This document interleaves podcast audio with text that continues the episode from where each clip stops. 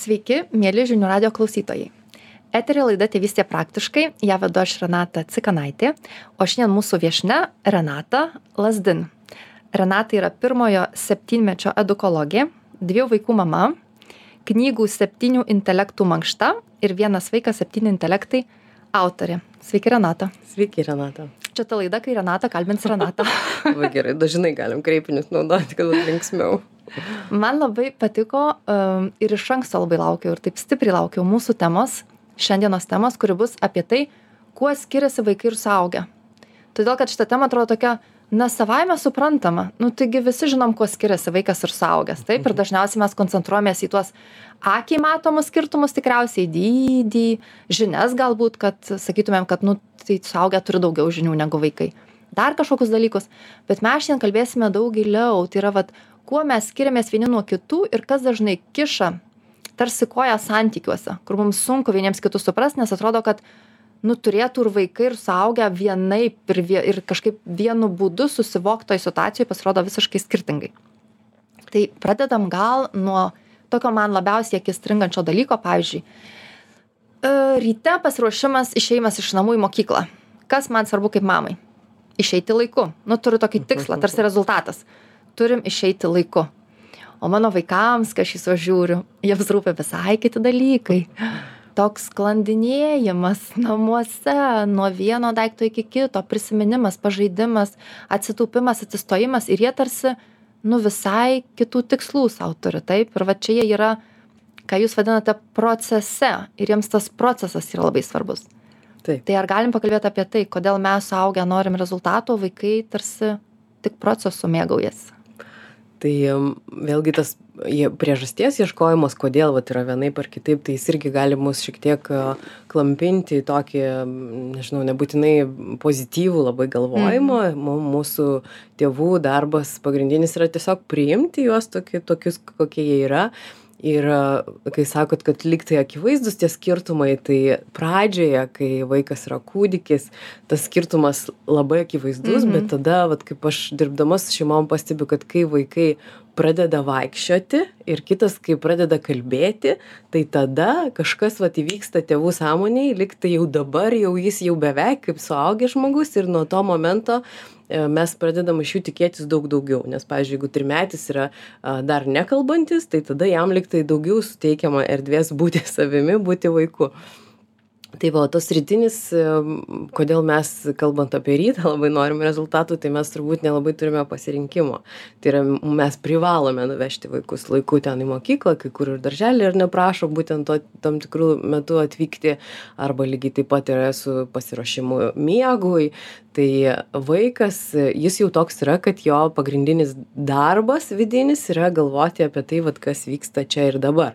Ir labai aukštas kūrybiškumo lygis kuris irgi susijęs su tuo kaip vystosi smegenys kad mum lyg tai atrodo kad mes suaugę esame protingesni bet tuo tarpu vaikas pagal savo smegenų raidos dėsnius jis mokosi daug greičiau ir geba įeiti į kiekvieną kažkokį elementą am domėtis juo. Jis juk dar nežino kaip pavyzdžiui veikia besisukanti kėdė kurios lygį mes galime kilnoti arba kas čia per mikrofonas kurio kurio aš niekada nemačiau.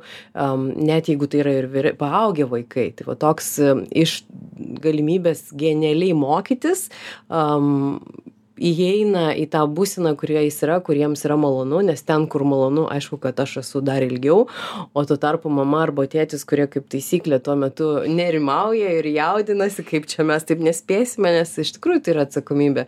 Tai va tai jie noras įtikti jiems dar labiau mažėja dėl to kad mes stresuojame tą akimirką. Tai va tai čia du tokie dalykai. Ir kitas orientacija ir netgi ką kalba vat gal svarbu atsiminti kad jeigu mes kaip tėvai per daug spaudžiame vaiką orientuotis į rezultatą ir ne tiktai ryte bet kalbant apie piešinius apie košės maišymą apie net ir tvarkymąsi tai jeigu mes per daug spaudžiame vaiką pasiekti tą rezultatą tai jis gali slopinti jame ir norą patirti procesą. Tai reiškia kad man neleidžiama būti savimi ir toks vaikas pasidaro visai pasimetęs. Am mes dažnai matome tokius vaikus vaikus kurie ateina į darželius ir net nenori bandyti pavyzdžiui piešti ar minkyti todėl kad sako aš negaliu man nesigauna čia man tikrai nepavyks. Tai va toks kad e, leisti jiems tiesiog būti patirti o orientacija į rezultatą jinai savaime pradeda pamažu nubusti kažkur jau artėjant mokyklai. Tai yra apie šeštus septintus gyvenimo metus jau a, svarbu yra jiems pasiekti tą kažkokį pavidalą a, ir jie gali labai daug laiko praleisti prie to yra aišku atvejų kai būna ir trimečiai pavyzdžiui tėvai sako bet mano trimetis tai jau labai nori rezultato. Tai yra aišku kurie ir e, taip jau tokie jau gimę su nubudusiu kažkokiu anksčiau pabudusiu noru pasiekt rezultato bet dažniau vis tiktai yra um, mūsų mūsų užduotas tonas mūsų sukuriama aplinka kurioje vaikas nori nenori pradeda kalbėt apie tai kad matai kaip aš padariau ar gražu ir prašo mūsų įvertinti. O e, kalbant apie rytus tai čia dar vienas labai stambus skirtumas ryškėja tai yra vaiko nesuvokimas e, laiko. Tai yra jo nes kai mažas kūdikis vat gimsta nežinau ar visi prisimenate labai gražios tos akimirkos yra ir kūdikis kuris žaidžia rankomis ir kojomis tai vat jis jeigu mato tas rankas tai jos jam egzistuoja jeigu jis jų nemato tai reiškia jų nėra arba kai kūdikiui yra septyni aštuoni mėnesiai prisimenat kaip džiugina žaidimas akuku ar ne kur mes mhm. pasirodome ir toks džiaugsmas todėl kad tą akimirką kai mūsų nemato vaikas jam atrodo kad mes ir neegzistuojame. Ir tada tas kiekvienas iššokimas pasirodymas jiems yra tiesiog e, begalinis džiaugsmas. Tai va tai yra kalbant apie laiką tai va tas mažas vaikas jis yra čia ir dabar. Ir jis mato tiktai tai kas yra jo e, regėjimo lauke. Ir tada labai pamažu tas laiko suvokimas jisai plečiasi plečiasi plečiasi plečiasi ir galiausiai pasiekia suaugusiojo bet kada tai vyksta tai tikrai jau tik mokykloje ir kalbant e, apie penkerių metų vaikas jau gali orientuotis kas yra ten už dviejų valandų am kas yra ryt poryt arba už trijų dienų ar kitą mėnesį o e, visiems mažesniems vaikams jie labai gerai orientuojasi eigoje. Tai reiškia jeigu mes visada po pusryčių pavyzdžiui pašokame su mama arba aš pamyluoju paglostau ir pažaidžiam slėpynių tai vaikas tą sąsają labai gerai atsimena ir tai yra kas kita bet tai nėra laiko suvokimas. Bet suvokti kas yra tie dešimt minučių į kurią čia pusę jie juda tai čia mes daug sau prisidirbame problemų va prašydami pavyzdžiui palauk dešim minučių arba mes pažaisime am pažaisime dar dešim minučių ir tada jau keliausime. Tai aš kviečiu neperspėti netgi vaiko tai yra nes tą akimirką kai aš jam sakau mes eisime jam kuriam neegzistuoja ar ne ateitis ir praeitis jam atrodo kad mes jau einame. Ir yra tokių atvejų kur vaikas jau viską meta ir bėga tai yra mes perjungiame ją jo dėmesį iš to ką jis daro čia ir dabar. Mhm. o ten jis geriausiai mokosi ir geriausiai jaučiasi mes jau perjungiam dėmesį į po dviejų dienų važiuosim pas močiutę tai jau ir važiuoja pas močiutę jau pradeda krautis lagaminą. Tai va tai toks tą e, labai gilią meditacijos netgi sakyčiau būseną tai labai reikia saugoti kaip kažką Mhm. labai brangaus ir vaikai gali pavirsti neurotikais vien dėl to kad mes vat per to ne nesuvokimo to jo požiūrio ir santykio su laiku mes nuolat jį vis prašom prisiminti kaip ten tau sekėsi darželyje o kas tau buvo smagu ir vaikui sukasi sukasi dangus jisai nesupranta kas kas čia kodėl čia ir ir negaliu žaisti ramiai. Tada ateinam į seminarus ir klausiam o kodėl mano vaikas ramiai nežaidžia nors priežastys labai labai paprastos. Tai vat jeigu aš savo am šuniui mirai nesakau mira palauk už dešim minučių mes važiuosim į mišką tai taip ir neturėčiau to sakyti savo keturmečiui penkiamečiui kartais ir šešiamečiam dar labai sunku taip susivokti ir ir nereikia jų labai skatinti. Tai vat jeigu kokio penkiamečius pradeda mokyti ten suvokti tą analoginį laikrodį tai jie gali išmokti nuskaityti ką rodo rodyklės bet ar prasminga tą daryti žinant kad jam na net nesvarbu mums svarbus laikas Mhm. o vaikui tuo tarpu vat jam svarbu mokytis čia ir dabar Aš primenu mūsų klausytojams, kurie ką tik prisijungė, kad šiandien kalbamės su Renata Lasdin apie suaugusiojo ir vaiko skirtumus. Ir aš klausydamas jūsų eilinį kartą pagalvojau ir eilinį kartą įsitikinau, kad kiekvienas momentas, kurį mes išgyvename savo dienoje, turi tobulai viską, ko mums reikia. Ta pati tėvų vaikų sąveika. Vaikai nuolat mums prieš akis, ko jie mus moko. Sugrįžkit čia ir dabar. Išsikraustyk iš savo galvos ir tą nuolatinių visokių minčių raizgalinių nerimų dvejonių galvojimų. Ateik čia labiau į momentą čia ir dabar. Būk kūrybingas būk tame momente vat įsijausk į tą tokį kaip jūs sakot tiesiog meditacinį momento buvimą kai mes tikrai pas pasinėrę į tai kas vyksta prieš mus mes vėliau tarp kitko suaugusieji to mokomės. Einam į specialius seminarus taip kaip būti čia ir dabar.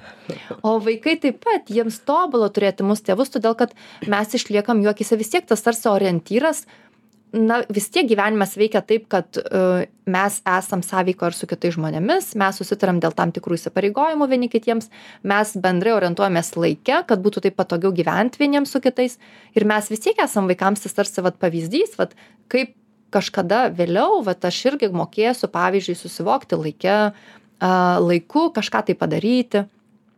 Ir tai vat tarsi yra tobulas modelis. Iš tikrųjų mes vieni iš kitų, vietoj to, kad kritikuotumėm, kad čia vaikai per daug, o tėvai ten kažko per mažai, mes tarsi nuolat galim vieni iš kitų tiek daug mokytis bet labai sudėtinga mokytis iš savo vaiko nes jis gi mažesnis ir lyg tai mums e, visuomenė sako kad jis e, ne toks išmintingas ir ne toks protingas bet bet iš esmės taip jis yra tobulas pavyzdys to kaip mes turėtume gyventi čia ir dabar mhm. pagalba mums mokytis to tik klausimas ar yra išminties ir yra suaugusiųjų kurie labai nenori pripažinti kad tas vaikas yra pranašesnis daugelyje sričių ir priimti tą kad čia dabar man reikia keistis todėl kad mano vaikas vat mane pradeda tarkim kai kai aktyviai pradeda kalbėti kas mūsų namuose aš labai matau nes dukrai keturi metai tai tai visi mano įterpiniai visi mano kažkokie komentarai broliui aš viską matau kaip aš kalbu ir tas ne visą laiką yra malonu. Mhm. ir jeigu tu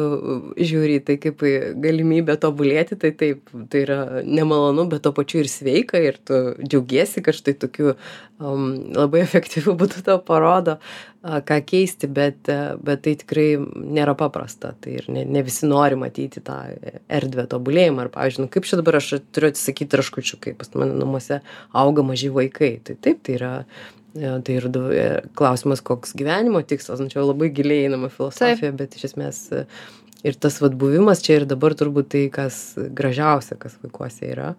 Ir tie vaikai galvoja vat kiek čia mano vaikui tų būrelių reikia. Tai iš esmės vaikas jeigu jį vargina ne ne visada būrelių kiekis nes vėlgi čia reikia kalbėt apie jautrius vaikus ir mažiau jautrius vaikas gali yra tokių vaikų kurie gali po dvidešim būrelių per savaitę lankyti bet e, organizavimas vaiko iš būrelio į būrelį kur vėlgi mes žiūrim į laikrodį greitai segame kėdutę užkandžių ten vietoj šilto maisto tai va tai jį labiausiai išvargina nes atitraukti iš vienos veiklos kai jis yra į ją įėjęs čia ir dabar ir jam labai gera ir staiga perjungti kažkur kitur kur vėl turi įeiti ir tame tarpe tas pereinamasis momentas iš vienos ir kitos yra yra laiko švaistymas neretai. Aišku vėlgi galima labai efektyviai panaudoti ir kalbėtis klausytis ten nežinau pasakų arba arba sekti pasakas dar geriau automobilyje bet e, dažnai mes e, ypač jeigu tai yra kamščių metas mes ir patys paburbam ant kokio kito vairuotojo ar dar kažko tai va toks e, labai kaip mes namuose tvarkomės ir valome tai lygiai taip pat ir tą dienotvarkę kaip mes būname su vaiku ją labai sveika yra vis pasižiūrėti iš to efektyvumo prasme. Tai gerai vat mes dabar gyvename taip mano sunkiausios akimirkos yra štai čia rytai vakarai arba ten pervažiavimas iš vieno taško į kitą tada vėl pasiemi kažkokį knygoj ten sąrašą kuo čia mes skiriamės ir pagalvoji kaip taisyti. Tai yra savaime ir santykiai su vyru ir santykiai su vaikais jie nėra kažkas vat kas įvyksta savaime kaip saulė teka ir nusileidžia. Čia yra ta erdvė nuo nuolat nuolat žodžiu ravėti tą darželį. Ir lygiai taip pat su vaikais kad labai viena vertus filosofiškai bet kita vertus labai vadybiškai pažiūrėti į tas situacijas kurias mes patiriame išsi išsiaiškinti priežastis ir tada yra atsiranda daug erdvės tobulėti. Ir mano paskutinę knygą iliustravo a, birutė bikelytė jinai pati neturi vaikų. Ir po to jau kai kai baigėm vat kai gavom į rankas tą naują leidinį jinai sus susitikom ten festivalyje netyčia jinai sako žinai renata aš vat nes vis tiek jinai piešdama skaito tekstus ir sako aš supratau. Sako tu vaiko pakeist negali tu gali pakeisti tiktai aplinką kurioje jisai gyvena ir žinoti kaip jis veikia ir tada jis natūraliai pasikeičia. Ir man vat ta kažkaip labai džiaugiausi tą akimirką galvoju nu vat suprato žmogus kuris net pats neturi vaikų bet vat beskaitydamas suprato kad paveikti to vaiko nu pavyzdžiui ir dar važiuodama galvoju koks čia palyginimas labai tiktų tai kas mėgsta kavą su išputintu pienu žino kad ne kiekvieną pieną gali išputinti ir juo labiau negali išputinti vandens tai vat tas vaikas kuris yra mes jo dirbtinai negalim priversti net ir organizuodami super pamokėles mes jo nepriversim suvokti laiko arba mes jo negalėsim orientuoti į rezultatą arba jau labai prievarta taikydami kažką galbūt ir galim pasiekti bet daugiau tiesiog suvokti kad tai yra vanduo kad jis ne neskirtas ne negali a suvokti jausmų. Pavyzdžiui girdėjau čia kažkada važiavom į baseiną nes dukra nardo ir plaukia ir girdžiu ten kitoj pusėj persirengimo kambario moteris sako kodėl? Kodėl tu numetei rankšluostį? Kodėl? Ir vat dešim minučių kažkur jinai kankino kankino dukrą tuo klausimu kodėl? Nors tas vaikas ten kažkur link penkių gal metų buvo gal mažesnė jinai negali suprasti kodėl. Vat jinai yra čia ir dabar ir siejimas priežasties su pasekme yra dar vienas skirtumas jinai negali paaiškinti kodėl. Jai buvo gal įdomu gal jis tiesiog nukrito o gal jai pasirodė patrauklu pasižiūrėti kaip krenta šlapias rankšluostis. Ir toks spaudimas atsakyt kodėl tu taip padarei tai vaikas nėra suaugęs jis nėra jis negali reflektuoti apie tai kokios priežastys. Ir vėlgi spaudimas tą daryti vėl nudrenuoja jo jėgas. Kai vaikas neturi jėgų tada jam dar sunkiau naviguotis per dieną ir tų problemų mes lyg tai prisidarome daug daugiau. Tai vat supaprastinsime savo tėvišką gyvenime neklausdami kodėl vaikas padarė vienus ar kitus dalykus. Mes galime garsiai pareflektuoti apie tai kad kad ilgainiui mokytųsi ar ne sakyti na va tu ten buvai ne ne neatsargi arba aš neatsargiai pastūmiau ir nukrito rankšluostis. Ir tai jam yra tokia informacija kurią jis išgirsta na ir po truputį kažkur kaupiasi ir kai ateis laikas suprasti jis prisimins staiga kad a čia šitaip ir anaip yra. Bet tokio vat spaudimo daryti dabar kol nepaaiškinsim mes niekur neisime. Tai yra tai yra prievarta. Nu taip labai negailint tėvų kurie taip daro. Bet tą reikia žinoti. Vėlgi toks kad žinojimas išlaisvina.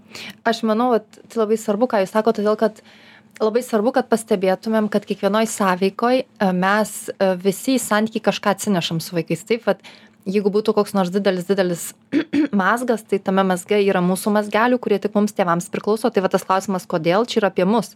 Čia man kaip mamai ir tėčiui svarbu suprast kodėl kodėl todėl kad labai dažnai kodėl vat jeigu suprasčiau kodėl jeigu tiktai būtų kažkoks įrodymas kad tas mano vaikas nėra piktybiškas arba kažkoks tai nevala arba ten dar ko aš tuo momentu apie jį prisigalvoju ane tas kodėl čia man nuramintų tą mano vidinį chaosą su kuriuo aš negaliu išbūti nes tuo metu kai matau rankšluostį ant žemės galvoju nu tiek daug siaubingų dalykų apie tą mano vaiką.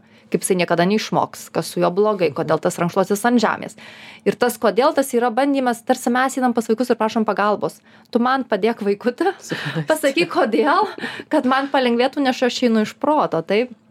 Tai vat svarbu pastebėti kad mes į santykį su vaikais ateinam su savo va tokiais vat vidiniais visokiais nepatogumais mazgeliais kažkokiom tai istorijom mūsų įsitikinimais ir dažnai užkraunam vaikams naštą ne pagal jų pečius kaip jūs ir sakot nes vaikui kai vaikas auga yra tam tikri raidos etapai kurie mūsų reikalavimai jam yra na tai panašiai kaip gimusiam vaikui sakytumėm stokis ir vaikščiok. Nu jis neturi jokių resursų kad galėtų atsakyti tą mūsų vat reikalavimą ar ten laike susivokt ane arba susivokti kodėl. Tai kad tai ateis bet daug vėliau o tam tikrais amžiaus raidos etapais tai paprasčiausiai neįmanoma. Bet čia vat svarbu pastebėt taip pat kad tai yra apie mus tėvus daug daugiau negu apie vaiką arba ką jisai daro. Taip. Ir ir vėl tai yra vienas iš dar vienas skirtumas e, kad viskas apie mus ir vaiką vaiko pavidalas ir jo elgesys yra am mūsų atspindys. Viskas. Tai yra vaikas vėlgi vat kaip jis laiko nesupranta taip jo vidinis mechanizmas jam sako mus mėgdžioti. Tai nesvarbu ar mes pavyzdžiui greitai bėgiojame namuose ir čia pavalau ten pavalau čia patvarkau tai vaikas ir lyg tyčia tą akimirką mums atrodo kad vaikas nustojo žaisti ir bėga mums iš paskos sako mama tu būk su manimi. Bet bet bėga jis ne todėl kad tyčia nori ar ne mus patrukdyti kaip mum kartais atrodo kad na va tik čia susiruošiau tvarkytis ir tu jau čia bet vaikas tiesiog net ir judėjime net ir vidinėj būsenoj jisai mus atspindi ir jis bėga iš paskos kai mes tvarkomės. Tai jeigu norisi gauti to ramybės laiko tai pirmiausiai labai e, lietai reikėtų kalbėti ir labai lietai vaikščioti, Mhm. jeigu esate ekstrave, ekstravertas, ką tada sunkiau daryti, bet tiesiog labai sąmoningai naudoti tą įrankį, kur jeigu štai aš šiais metais dirbu su priešmokyklinukais pati ir kai jie susikoncentruoja prie savo individualių darbų, man norisi ten, oi, greit nulėk dar čia kažką jiems rušiuot kažkokią priemonę, bet aš iš lėto einu, taip save laikau, laikau tam, kad neišblaškyti jų, nes jūs vis tiek jie viską mato. Tai va toks e, vaiko kontrolė per savęs kontrolę. Ir jeigu aš atsikeliu rami ryte ir galvoju, na, nieko tokio, truputį pavėluosime ir aš čia geriau išgersiu ramiai kavos, tai vaikai taip pat pajunta tą. Ir, ir liktai net labiau nori mums padėti, jeigu aš duodu tai, ko jam labai reikia. O, o daugumai vaikų vis tiek, visiems net nedaugumai reikia ramybės, džiaugsmingumo žiūrint į gyvenimą mm, ir leidimo būti to vaiku. Tai tokios, vat, ir meilė, žinoma. Tai ta meilė, meilės forma, bet kaip tu gali, vat, kaip ta meilė sklinda iš žmogus, kuris skuba kažkur, jinai labai sunkiai prasimuša pro tą skubantį žmogų. Tai, a, tai taip, tai yra, ir, bet tai yra labai sun, sunki tema, Renata, ką jūs sakot, kad vat, apie, apie mus, ar ne, vat, tu Taip. pasikeis ir tavo vaikas pasikeis. O, kaip paprasta, bet labai sudėtinga. Bet čia sunkiausia padaryti, nes mes visi ateinam į visus tėvystės renginius, tikėdamiesi, kad čia išgiršam atsakymą, kokios ten man reikia įlos atsuktuvo ar dar kažko, tai kad aš vaikė įdėkčiau kažkokią tai programėlę, kurios dėka viskas bus taip, kaip aš noriu, kad būčiau. Ir kai išgirstu atsakymą, kad čia apie mane ir labiau apie tai, kaip aš gyvenu, taip kuo aš tikiu, kokios mano vat, vertybės, kokia mano pasaulyje žiūra. Ir kad vaikas, kaip jūs sakote, jisai natūraliai perima iš manęs visą tai, kuo aš esu. Aš galiu iki pamėlynavimo vakarai skaityti knygas apie kažkokį tai, vat, pavyzdžiui, labai ramų gyvenimo būdą, bet jeigu aš pati nuolat savo dienoj skubu ir visur bėgu, bėgu, bėgu, nu tai vaikas neperims to, ką aš jam skaitau, bet perims tai, ką jis įmano, kad vat, tikrai kaip mama yra ir kaip jinai nuolat visur skuba ir jis irgi va tuo tarsi užsikrės. Ir aš prisimenu dar vienas aspektas, kuris man vat ateina į galvą, kai kalbuoju apie vaikus ir vat skirtumą tarp vaikų ir saugusių. Tai kai vaikai buvo labai labai mažyčiai, jie apskritai kuriasi santykiai su pasauliu jį tyrinėdami jiems reikia paliesti suvalgyti jie dažnai burną viską deda jiems tarsi reikia susipažinti su tuo kas vyksta per save ir mes pavyzdžiui kai išsiruošdavom su dukra į žaidimų aikštelę mes ten nenueidavom mūsų kelionė baigdavosi ties varteliais. Jinai atsistodavo ties vartelių atsidarydavo užeidavo uždarydavo. Atsidarydavo iš kitos pusės išeidavo uždarydavo. Ir taip kokia penkiasdešim kartų. Ir aš taip galvodavau pirmi refleksai būdavo bet žaidimų aikštelė tai ten.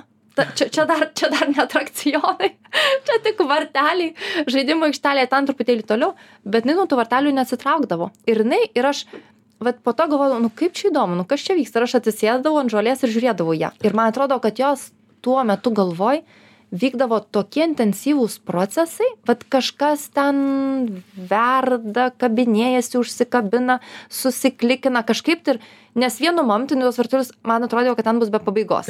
Bet vienu momentu tuos vartelius jinai daro ir staiga uždaro, atsisuka į mane ir atbėga apsikabina ir maždaug viskas, mama, aš baigiau. Vat tas darbas, kuris vyko mano galvoj, jisai baigtas, dabar jau galime eiti į tą tavo žaidimo aikštelę, jeigu tu nori. Tai vat vaikų poreikis kartoti veiksmą begalę kartų kas mums saugusiems irgi atrodo kažkaip, nu, keista, ne? Labai, labai sun, sunku išbūti šalia tokio kartojimo, bet tai yra, tai yra labai, labai gražu ir, um, ir, ir tai yra prabangi tėvystė leisti vat, vaikui išbūti tos 50 kartų, kartais tai yra tūkstančiai kartų, vat, yra buvę ir mūsų darželį tokių vaikų, kurie visą laiką žaisdavo krepšinį ir su lėktuvais, ten buvo toks virukas, jis kre- tik krepšinis ir lėktuvai ir jis daugiau nieko nežino, jeigu tai nėra kažkokia siūloma veikla, tai vat, krepšinis ir lėktuvai, krepšinis ir viskas, ir, ir nieko.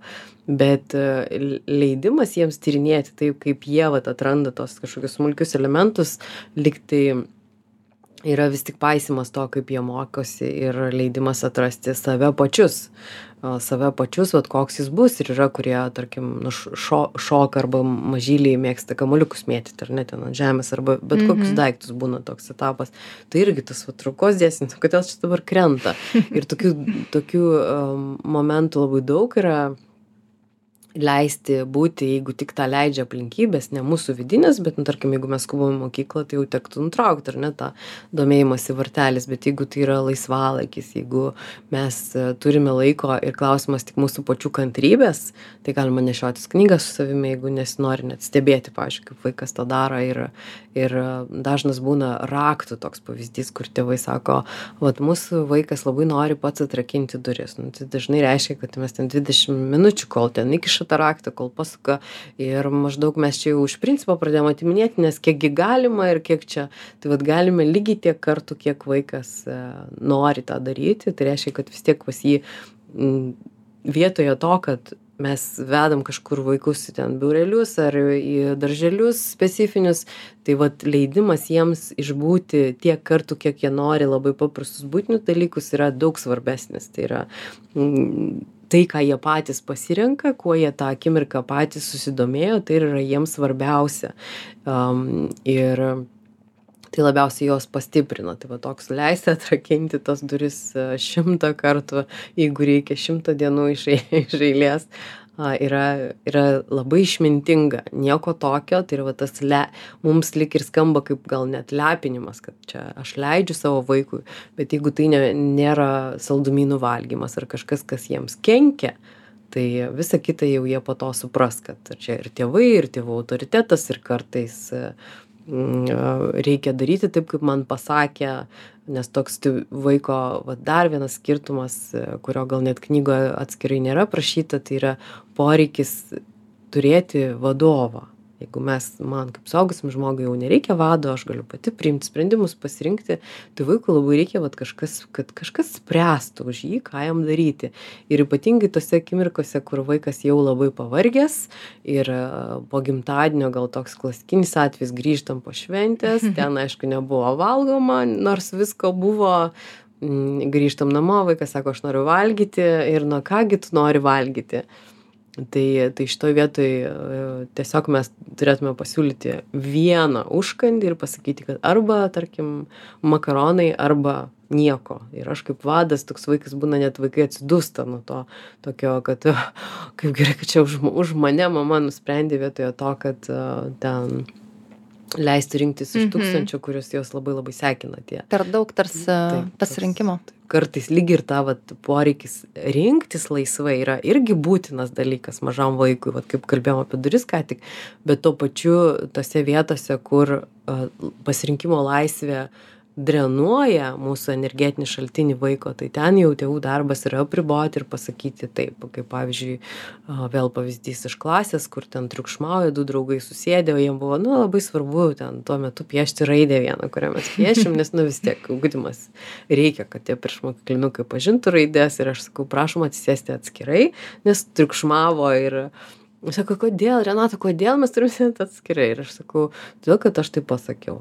Toks vat ir ir nu gerai. Ir atsisėdo atskirai. Tai yra labai dažnai mm, tas autoritetas gali išgelbėti nuo to. Ir jeigu aš esu autoritetas vėlgi kaip aš jo patampu būdama rami būdama dėmesinga leisdama varstyti tuos vartelius daugybę kartų tai po to daug ką leisdama būdama tvirta ir saugi ir stabili ir nenervinga kaip e, būna tai kitose vietose kur tenka apriboti vaikas daug lengviau pasi pasiduos tam apribojimui ir na padarys tiesiog todėl kad mes esame stiprus autoritetas.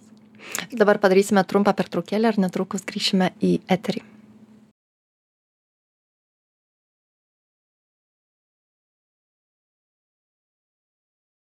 grįžtame į eterį po trumpos pertraukėlės. Eteryje laida tėvystė praktiškai ir šiandien mes kartu su renata lazdin kalbamės apie suaugusiojo ir vaiko skirtumus.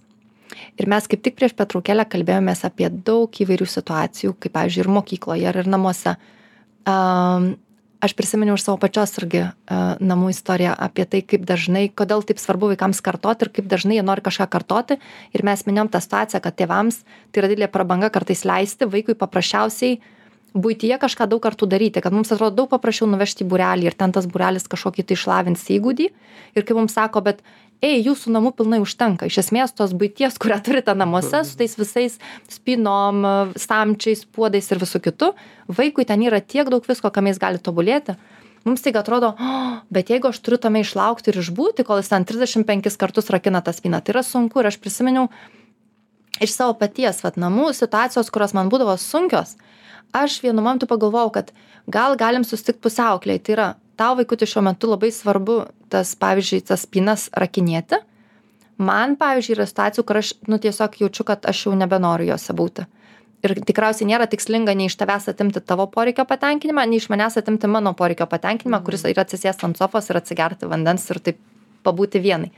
Tai mes pavyzdžiui vaikams buvom nupirkę spynų paprasčiausių spynų. Nu taip nuvažiuoji į senukus nuperki spyną su rakteliu kažkokiu tai ir sakai aš aš matau kad labai nori rakinėti tą spyną bet durų šiandien tikrų nerakinsim nes man svarbu įeiti į namus nusiauti batus mano kojos pavargusios aš noriu pasilsėti bet aš manau kad tu nori tą spyną rakinėt. Tai štai čia yra ta spyna aš tarsi pratęsiu tavo poreikį. Tavo poreikis yra šiuo metu vat su tuo raktu kažką tai ten daryti ane tai aš tarsi pratęsiu tavo poreikį ir štai tau spyna netgi kel kelios spynos keli rank rinkiniai. Gal net nereikia jų pirkti gal mes ir šiaip turim kažkokių tai spynų nuo sporto ten būna kažkokių tai spintelių arba nuo sandėliukų.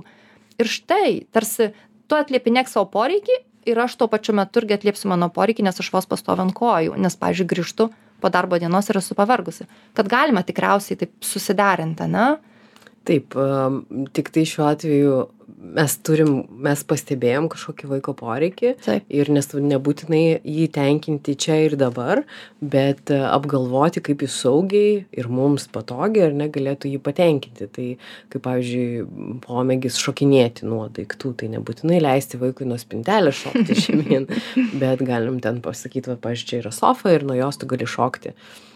Bet e, šiuo atveju tik tai reikėtų labai atsargiai įsiterpti tą akimirką, nu, pavyzdžiui, jeigu prie vartelio ar ne vaikas darinėja vartelius, o aš jau noriu eiti, tai tą kartą aš vis tik rekomenduočiau išlaukti, todėl kad kartais, jeigu mes netinkamai nutraukiame, mes lik nubaidom tą drugelį, kuris nuskrenda ir jis po to gali niekada nebe, nebegrįžti. Tai yra tas susidomėjimas, jisai išgaruoja liktai a, ir, ir tai jau yra na vėlgi visko būna gyvenime čia irgi taip atsipalaiduokime kad e, nieko tokio kartais ir pažeisti bet jeigu tas kažkaip grubiau įvyksta em, tarkim kažkada aš paruošiau lunai visą stalą spalvoto smėlio barstyti ant atvirukų ir ir pastebėjau kad e, kažko kažkurio elemento neapgalvojau ir jinai bėrė ne ten kur reikia a, ir jau čia matau kaip čia tuoj pasklis ant grindų o tai yra tikrai labai smulkus smėlis ir galvoju o čia siurbti. Ir aš sakau ne ne palauk ir viskas. Ir jinai pasižiūrėjo į mane pasižiūrėjo į tą stalą atsistojo ir nebegrįžo. Tai va toks kad kaip labai etiškai labai politiškai išmintingai tą akimirką nutraukti. Bet iš esmės vat principas ką jūs sakote kad patenkina taip taip ta tas poreikis svarbu kad jis kažkur turėtų erdvės reikštis. Ir tokiu būdu vaikas a, auga saugus protingas ir taip pat ir su tvarka tarkim vaikų noras. Jie nors išoriškai mums suaugusiems jie atrodo labai netvarkingi. Aš norėjau tą patį padarai. sakyti, kad tėvai, kurie klauso, tikriausiai išgirdę aš tą, kad vaikas turi poreikį tvarkai, galvoja, kaip pasakykite dar kartą. Taip, iš tikrųjų vaikas a, turi labai didelį poreikį, bet nebūtinai tvarkai kaip tvarkingumui. Pavyzdžiui, vaikas labai nori, um, kad mama renktųsi tą patį mėgstinį visą laiką. Ir jeigu mama kartais vat, gali būti tokių ypač jautrių dienų, kad mes nesuprantam, kodėl mažas vaikas prieštarauja, dvi metis reikia, bet mama tiesiog apsirengė naują ir kažkokį labai ryškų ir tą rytą, kai jam viskas buvo labai jautru ir a, mes galim net nesuprasti šito. Tai yra tik tai labai giliai stebėdamas, tu gali atsekti kartais, o kame čia reikalas yra. Arba ten batai, nu, vat ne taip sudėti batai ir gali stovėti ir žiūrėti į tos batus, bet iš tikrųjų vaikai a, turi poreikį ir dienos ritmui, nes jie nesupranta laiko, jie nežino visų daiktų, tai yra jiem visko, to chaoso labai daug, kol jie atranda tas tvarkas, tai dėl to taip taip paaiškinama kodėl tas poreikis tvarkai todėl kad aš bent jau kai kuriuose daiktuose kai kuriuose įvykiuose aš galiu at atrasti tą pasikartojimą kuris mane ramina ir leidžia vis tik am, jausti kad tas pasaulis nėra toks svetimas tai ir kažkur namuose palaikyti daiktinę tvarką vis tik būtų svarbu vaikui tai yra aš nebūtinai e, turiu siekti tokios montesorinės tvarkos kur viskas absoliučiai turi savo vietelę ir ten ryte. Mokytojas tai pataiso ir batai geltoni, a, lietaus batai būtent čia, kombinezonas būtent štai šį čia.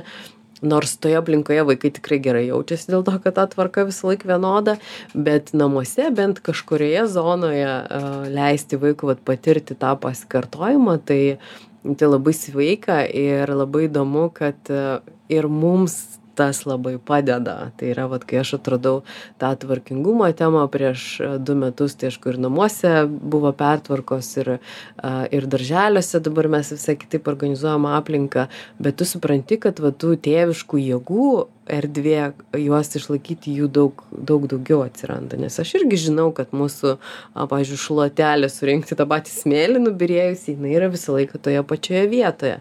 Arba arbatai košti mažytis rėtis jis yra visą laiką šitame stalčiuje ir aš sugaištu mažiau jėgų ieškojimui. Arba ten tarkim šįryt labai sunkiai lunai sekėsi išsirinkti ką apsirengti.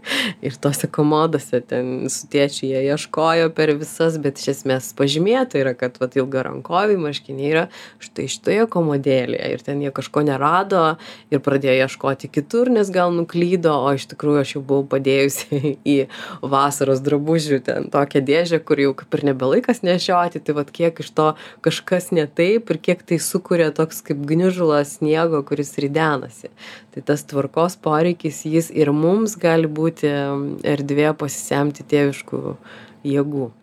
Aš manau, kad tai kažkur labai giliai turi būti susijęs su tokiu saugumu. Na, tarsi aš galiu pasitikėti bent kažkuo mano aplinkoje visą laiką atsidarius tą stalčių rasiu kažką tai. Ir tai yra tas saugumas, kurio galbūt kitos situacijos šio dienoje man atneš, nes bus kažkoks, nežinau, pavyzdžiui, supykusi mokytoja darželį arba liūdna mokytoja, skubanti mama, ten kažkoks netidus tėtis, ane, nu iš tų elementų aš kažkaip niekaip negaliu įtakoti, bet vat, tas, kad yra tam tikra tvarka namuose, kad aš galiu pasitikėti, kad atsidaręs tą stalčių šaukštelį pasimsiu. Nu, kad jis tikrai ten visą laiką tai truputėlį prideda tokio kaip saugumo, kurį mes išsinešam į dieną. Ir, ir net maiste, va dar ką galima pastebėti, tas vaiko jautrumas labai dažnai, aš viską žinau, viskas kaip visada, ar ne, ten ir staiga atsisėdu prie stalo ir grikių košė yra su daržovėmis tai mes šią savaitę patyrėm tokį kažkoks vat buvo elementas nes luna priešingai negu dovydas tikrai labai jautri yra vat visokiem tokiem um, kai kuriems labai stipri bet ir labai jautri tai, tai staiga atsisėda ir aš kažkaip neperspėjau jos nes paprastai aš jai dedu atskirai ir jinai nusprendžia ar čia susimaišyti tą su, su koše ar vis tik valgyti tik tai košę o tą rytą ten kažkas vyko ir aš įdėjau iš karto ir na ir viskas aišku visai kitaip vyko negu kad galėjo. Tai taip iš esmės tokio saugumo žinoti, kas kur Taip. yra čia. Aš irgi esu tokių stacijų gerai namuose. Mama, čia ne ta pati sriuba. Aš taip žiūriu į tą sriubą, sakau, čia ta pati, ne, ne ta pati mama, bet šito anksčiau nebūdavo. Ir ta šitas iš tikrųjų kažkoks dalykas, kurį dėl skonio, koks nors prieskonis. Saugusio akim žiūrint, tai ten niekas to sriuboje nepasikeitė, nes tas skonis bazinis išliks toks pats. Bet vat vaiko akim žiūrint, tai yra kita sriuba. Tai suklasifikuota kaip kita sriuba. Čia kažkas tai. Ir tikrai toks didelis nenoras nu nenoras valgyt nes čia kita sriuba aš tai sriubai nepasirašau aš iki šiol valgydavau kitą sriubą tai va tose vietose um, padeda naudoti tokį kitą skirtumą vaiko ir suaugusio. Tai yra tai kad vaikams labai patinka um, vaizdiniai. Tai tai aš tokiu atveju gelbėju kartais situaciją ir sakau pavyzdžiui nu šiandien košė labai norėjo kad pas ją ateitų tos daržovės ir tada būna kartais tai padeda. Tai ar ten pavyzdžiui nu jos labai susidraugavo nu taip jau nutiko kad jos yra toje sriuboje. Labai pakvietė krapus jie negalėjo neateit. Tai va tas kur mum mums lyg ir atrodo kad čia nu apie Mm. ką čia bet arba netgi daug kam kas labai materialistiškai vaikus augina labai realiame pasaulyje tai apie ką čia čia gi tiesiog sriuba ir daržovės bet vaikai vaikai mąsto visai kitaip mąsto vaizdiniais ir ir jiems tas padeda išgyventi tą tokį svetimą svetimą sriubą padeda išgyventi suvokimas kad ten tos daržovės gal susidraugavo arba kartais vat irgi kur mes nesakome kad tvarkomės arba kad pas mus e, balionai guli toje vietoje mes sakom kad balionai čia yra jie gyvena čia kažkurioje lentynoje. Ir jeigu kartais neranda kur yra o tai pasitaiko aš sakau na turbūt išėjo į svečius na ir tada pradedi ieškoti kurgi jie čia išėjo į svečius. Tai va tas e, ir tą tikrai paprasta naudoti tą įrankį iš tiesų Mm. tiktai sužinoti prisiminti kaip kaip kaip mes patys augom gal kartais ir kokį filmuką kartu su vaiku pasižiūrėti kaip ten taip Mhm. apie tą karlsoną kuris gyvena ant stogo kur tėvai ar ne mažylio mes čia Taip.